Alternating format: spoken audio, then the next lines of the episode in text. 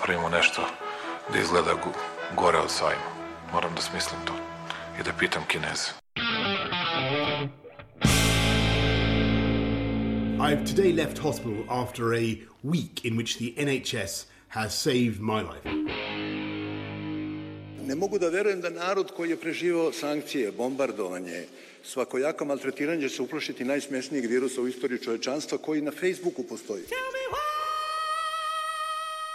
And now I'm better and maybe I'm immune, I don't know. Dobro večer. Mene su poslali iz štaba. Ja ću vam pomoći. Aleksandar Kocić Jelena Viser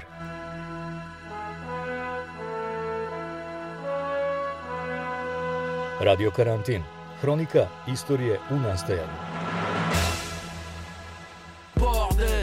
quand on rentre sur la piste, on est venu teaser, claquer du pif. Pas d'embrouille, man, pas de litige. Sinon ça va saigner, est-ce que tu piges Haute scène, marcheur en l'air sur la piste. MC gardez la pêche, vous n'êtes pas sur la liste. Ovo je Buba, jedan od trenutno najpopularnijih francuskih repera. Poznat je i po tome što voli da širi sulude priče o covidu, kako piše američki sajt Politico. Od pre dva meseca Buba je malo zapostavio covid i okrenuo se novoj svetskoj krizi. Pogađate, reč je o ratu u Ukrajini.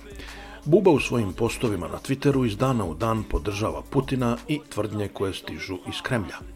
Buba je čak navodno otkazao ugovor sa svojim sponzorom Pumom nakon što je nemački proizvođač sportske opreme prestao da posluje u Rusiji.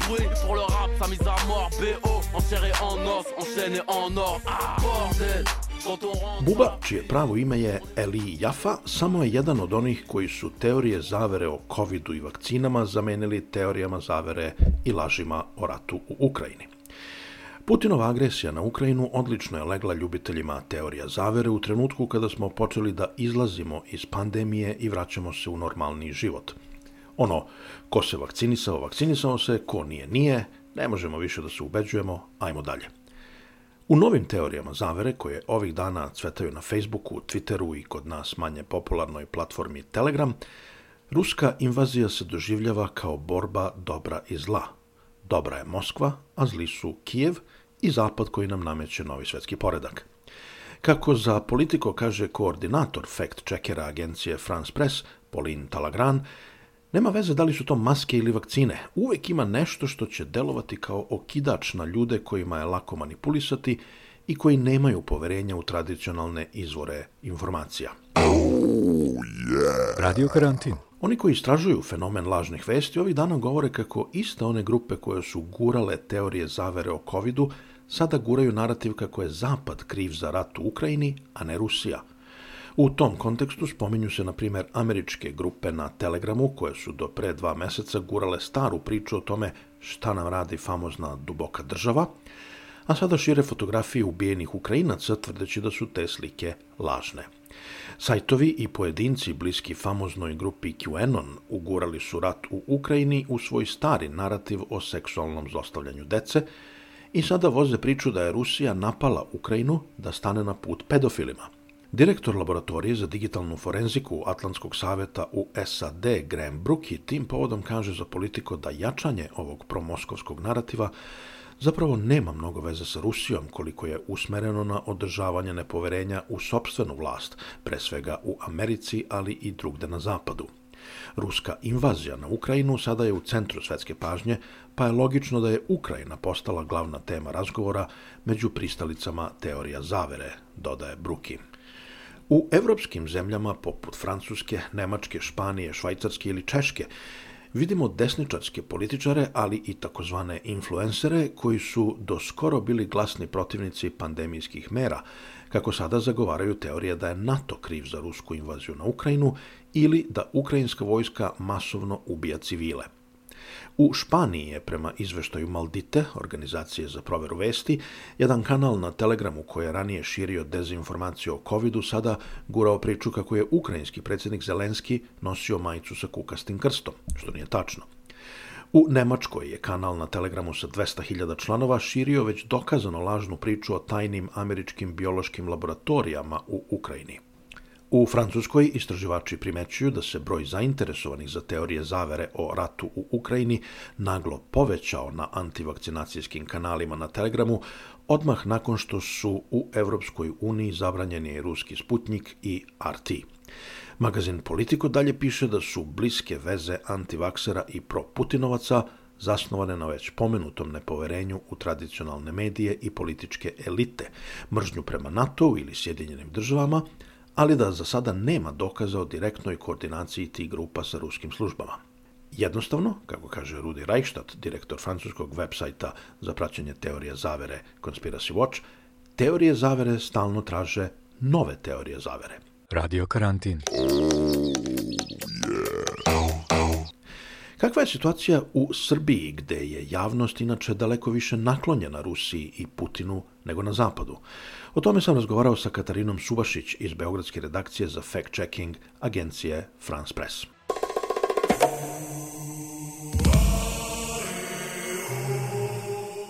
Ja vidim da se rade već istraživanja a, više zemalja i da se uočava neki trend kako u suštini isti ljudi koji su uh, pratili i verovali u teorije zavere oko covid sada a, veruju u teorije zavere oko Ukrajine, kako, ne znam, one biolaboratorije američke, e, maltretiranje dece, to ovi i tako dalje. Pa me interesuje šta ste vi uspeli da, vi, da li ste i vi nešto uočili slično? Uh, jesmo, da. Uh, po pra, gotovo po pravilu se uh, na blogovima i, i Facebook nalozima uh, i uopšte nalozima društvenih mreža koji su, še, koji su de, delili te uh, lažne vesti oko covid vakcina, uh, opasnosti od vakcina navodnih i tako dalje, sada dele E, informacije e, upravo ove koje ste pomenuli o Ukrajini. Od toga da e, je Rusija morala da napadne Ukrajinu zbog tih biolaboratorija, do toga da Amerikanci povlače po svaku cenu iz Ukrajine krišom laboratorije, preko toga da naravno ima taj narativ kojim pokušava da se, da se opravda invazija Rusije time što su Ukrajinci svi nacisti, što e, su e, lažirane žrtve, e, mediji zapadni su na, na, na, na meti istih tih naloga, istih tih ljudi i jeste, ja sam videla taj jedan QAnonov ovaj, narativ da se podzemnim tunelima koji idu ispod Ukrajine, preko Rumunije, preko ne znam čega sve, izlače deca koja su tamo vođena da bi im se vadila krv, da bi se već kako, kako te njihove teorije glase. Kažete da, da se uočava da su to isti korisnici? Jesu. Jesu, to su isti korisnici. E, recimo, portal Epoha koji mi e, smo dosta često ovaj, e, čije smo priče dosta često razobličavali vezane za, za COVID, sada gotovo redovno deli priče o, o Ukrajini, te netačne, netačne priče o Ukrajini i netačne priče o tome kako zapadni mediji zapravo pokušavaju da prikažu Ukrajinu kao žrtvu, a to svakako nije činjeni, kako lažiraju žrtve, kako uh, lažiraju, koriste se neki video snimci recimo da bi se pokazalo da uh, je, ne znam, e, požar bio u Kanadi, a ne u Ukrajini, samo zato što je jedan od vatrogasaca nosio e, jaknu sa natpisom Ukrajin, e, kanadskog grada koji je donirao Ukrajini opremu za vatrogasce. Ali da, to su i, i blogovi, i hrvatski, i srpski, i ovaj i Facebook nalozi pojedinačni. I da vas pitam ono što sam vas pitao i kad smo pričali o pandemiji, o vakcinama i o uh, drugim teorijama zavere u vezi sa COVID-om. U kojoj meri su uh, priče koje se sada šire, uh, da tako kažem, domaće proizvodnje, a u kojoj meri su one uh, uvezene iz drugih zemalja? I dalje se vidi taj trend širenja jedne iste priče kroz mnoge zemlje i na mnogim jezicima.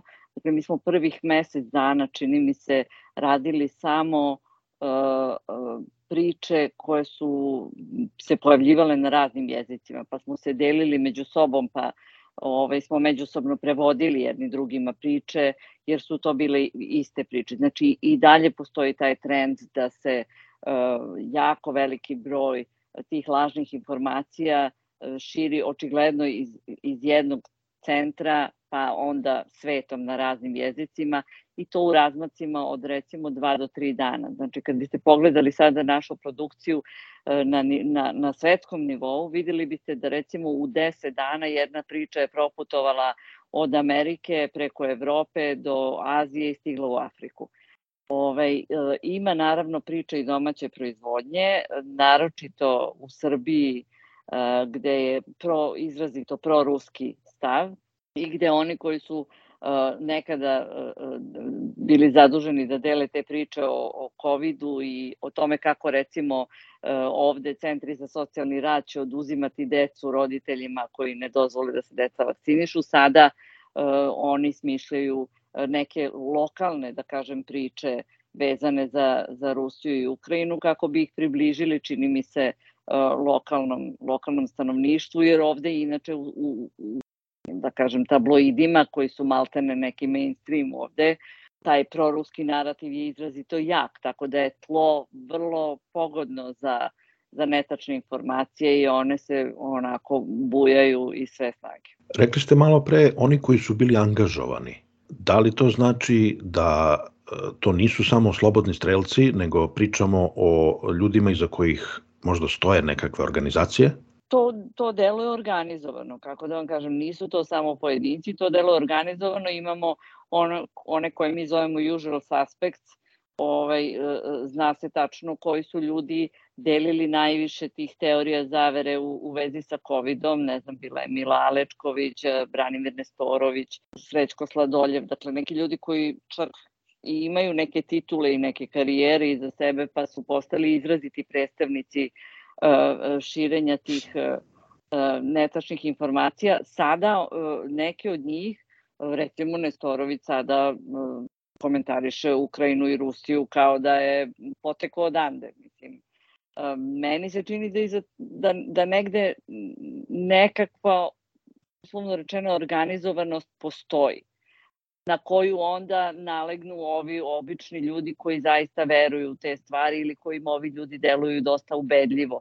Ali vraćamo se zapravo na onu priču iz Amerike da 12 ljudi uh, širi 70% netačnih vesti o, uh, iz, iz Amerike i da su zaradili milijarde na tome i da se to posle dalje širi ovaj, svetom. Tako da ja verujem da uh, da i ovo ima neke svo, neku svoju pozadinu, e, ne znam u kojoj meri, ne mogu da procenim, ne, ne mogu da kažem čak ni koji za toga stoji, ali uh, definitivno deluje kao organizam. U Srbiji, kao što kažete, imamo velike simpatije prema Rusiji. Istovremeno uh, vidim da pojedini istraživači koji se sada bave ovim fenomenom kažu da u zapadnim zemljama a, verovanje u ove proruske, da tako kažem, teorije zavere nije toliko uslovljeno simpatijama a, ili političkim orijentacijama ka Rusiji i Putinu, koliko jednom a, konstantnom narativu nepoverenja u sobstvenu vlast u svojim zemljama u Francuskoj, u Nemačkoj, u Sjedinjenim državama, pa se, na primjer, ta priča o zlostavljanju, seksualnom zlostavljanju dece u Ukrajini stavlja u kontekst da. onog narativa koji QAnon u Americi vozi već godinama, a to je da su demokratski političari pedofili. Da, pa ovde što se, što se ovog konkretnog slučaja tiče Rusije, odjednom ne postoji nepoverenje u vlast. Dakle, koliko je postojalo dok je bio COVID aktuelan, pa se nije verovalo ni ministru, ni Vučiću, ni nikome kad kaže da je da je neophodno ovaj, vakcinisati se, toliko sad uh, zapravo uh, odražava, ajde da kažem, da ovde postoji izrazita proruska propaganda koja je vrlo jaka, znači za razliku od zapadnih zemalja gde Sputnik i Russia Today više ne možete da čujete i vidite, ovde su oni jedni od glavnih uh, izvora, da kažem. Ovaj. Tako da mislim da, da je ovde miks svega i da ovde, za razliku od Zapada, postoji ta neka e, simpatija za, za e, rusku politiku, pre svega, ne za ruski narod. I e, osim toga, e, nekako ljudi ovde gledaju e, Ukrajinu kao e, drugu stranu u ratu NATO, a ne Ukrajinu. I onda, pošto postoji taj izraziti anti-NATO stav zbog bombardovanja, onda oni i zbog toga navijaju za Rusiju, jer kao Rusija se bori protiv NATO ovde, a ne protiv Ukrajine i potpuno se zanemaruju, ne postoji, osim naravno kod pojedinaca, ne postoji empatija za ukrajinske žrtve. E, meni se čini da malo se tu sad meša i ono što se dešavalo ovde 90-ih, a to je da je Srbija bila izložena propagandi da se ona brani i da je branila Vukovar i da je branila Sarajevo i da je branila Dubrovnik, da tako sad im izgleda i da Rusi brane Mariupolj, a ne uh, da ga opsedaju. Ovaj, tako da mislim da ovde ima nekoliko činilaca koji su prosto vezani za lokalne prilike i za 90. godine i za naravno istu vlast koja je bila na, tada, tada i sada na, na vlasti. Znamo da Rusija e, proizvodi lažne vesti u velikoj meri, da postoji agencija državna u Sankt Petersburgu, verovatno postoji drugi igrači za koje mi ne znamo. E, u kojoj meri e, se uočava da lažne vesti u vezi sa ratom stižu direktno iz Rusije? Pa u priličnoj, mi smo nekoliko tvitova Ministarstva spoljnih poslova Rusije ili ambasade Rusije u nekoj zemlji uh, raskrinkavali kao netačne informacije. Znači, čak su zvanične institucije Rusije delile netačne informacije koje smo mi, kojima smo se mi bavili posle. Ima li takođe naznaka da se manipulacijom i lažima bave i Ukrajinci? Jer svaki rat je naravno da. propagandni rat takođe. Ima, ima, ima, naravno ima. E, dešavalo nam se da e, jednu istu informaciju Rusi dele sa svojim narativom, narativom a Ukrajinci sa, sa svojim. E, Ukrajinci da bi prikazali što više žrtava kao da ih nema dovoljno ovaj, i, i da prikažu Ruse E, naravno što, što gorim i što uh, surovijim, a da Rusi sa svoje strane to prikazuju kao istu, potpuno istu informaciju. Taj smo fenomen imali u ratovima 90-ih, ako se sećate, uh, hrvatske i srpske televizije koje prikazuju istu, isti događaj, a sa različitom pričom u kojoj su žrtve uh, na njihovoj strani. Tako, tako i ovde. Ovaj. Otimanje žrtava otimanje žrtava, upravo to i e, Ukrajina pokušava nekako da parira tom, tom e, ruskom propagandnom ratu u manjoj meri, čini mi se, ali e, da, ti pokušaj postoje i za njih imam više utisak da su dela pojedinačnih grupa koje pokušavaju da privuku pažnju javnosti da dobiju uh, simpatije za Ukrajinu u smislu podrške, ne bili dobili veću podršku.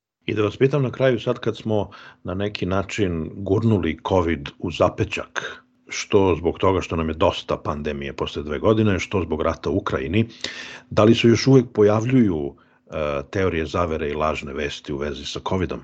Da, pojavljuju se, ne u meri u kojoj su bile, ali uh, ja se sećam da sam prvih ono, mesec dana rata smo radili samo u Ukrajinu i onda sam se malte ne obradovala kad sam naišla na vest na neku lažnu informaciju o COVID-u, kao evo da malo ono promenimo. E, pojavljuju se recimo i, i da kažem miks vesti. Bila je, ja sam radila baš priču da je u e, Ukrajini pomoć mogu da dobiju samo građani koji su vakcinisani. Ukrajina je odredila neku pomoć ljudima koji su ostali bez posla u ratnim područjima i e, tu pomoć je delila preko aplikacije preko koje je deljena i posticajna suma novca za vakcinu ranije. I to su, znači, uh, ovi koji dele lažne informacije iskoristili da uh, naprave uh, netačnu, netačnu vest u kojoj tvrde da samo vakcinisani Ukrajinci mogu dobiti državnu pomoć, što naravno nije bilo tačno. Bilo je još nekoliko se pojavilo, a da bila je Pfizerova ta čuvena vest da je Pfizer objavio na devet strana nus pojave svoje vakcine, među kojima su najgore bolesti na svetu koje možete da zamislite, a zapravo se ispostavilo da nisu nuspojave, nego je lista mogućih nuspojava koja je sastavljena mnogo pre nego što je vakcina izašla, koja se uvek, prema rečima naučnika, uvek napravi kako bi se pratilo da li se i jedna od tih vrlo ozbiljnih poja, bolesti pojavljuje tokom kliničkih ispitivanja za vakcinu.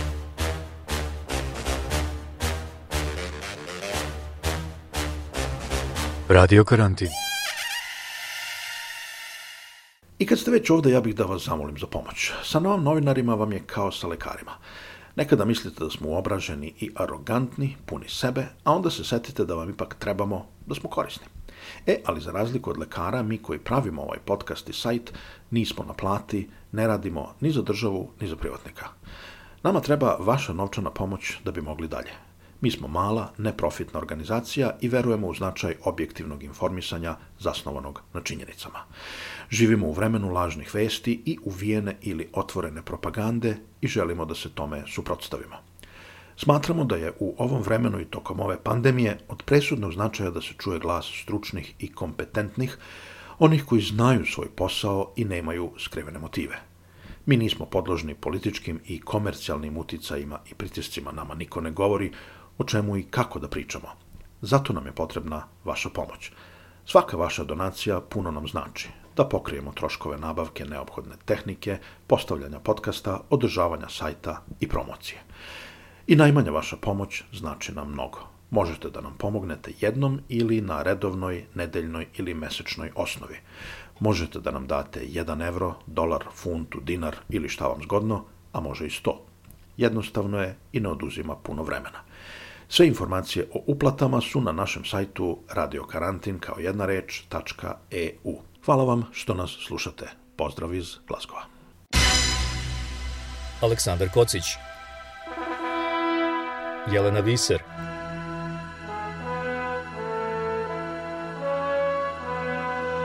Radio Karantin Hronika istorije u nastajanju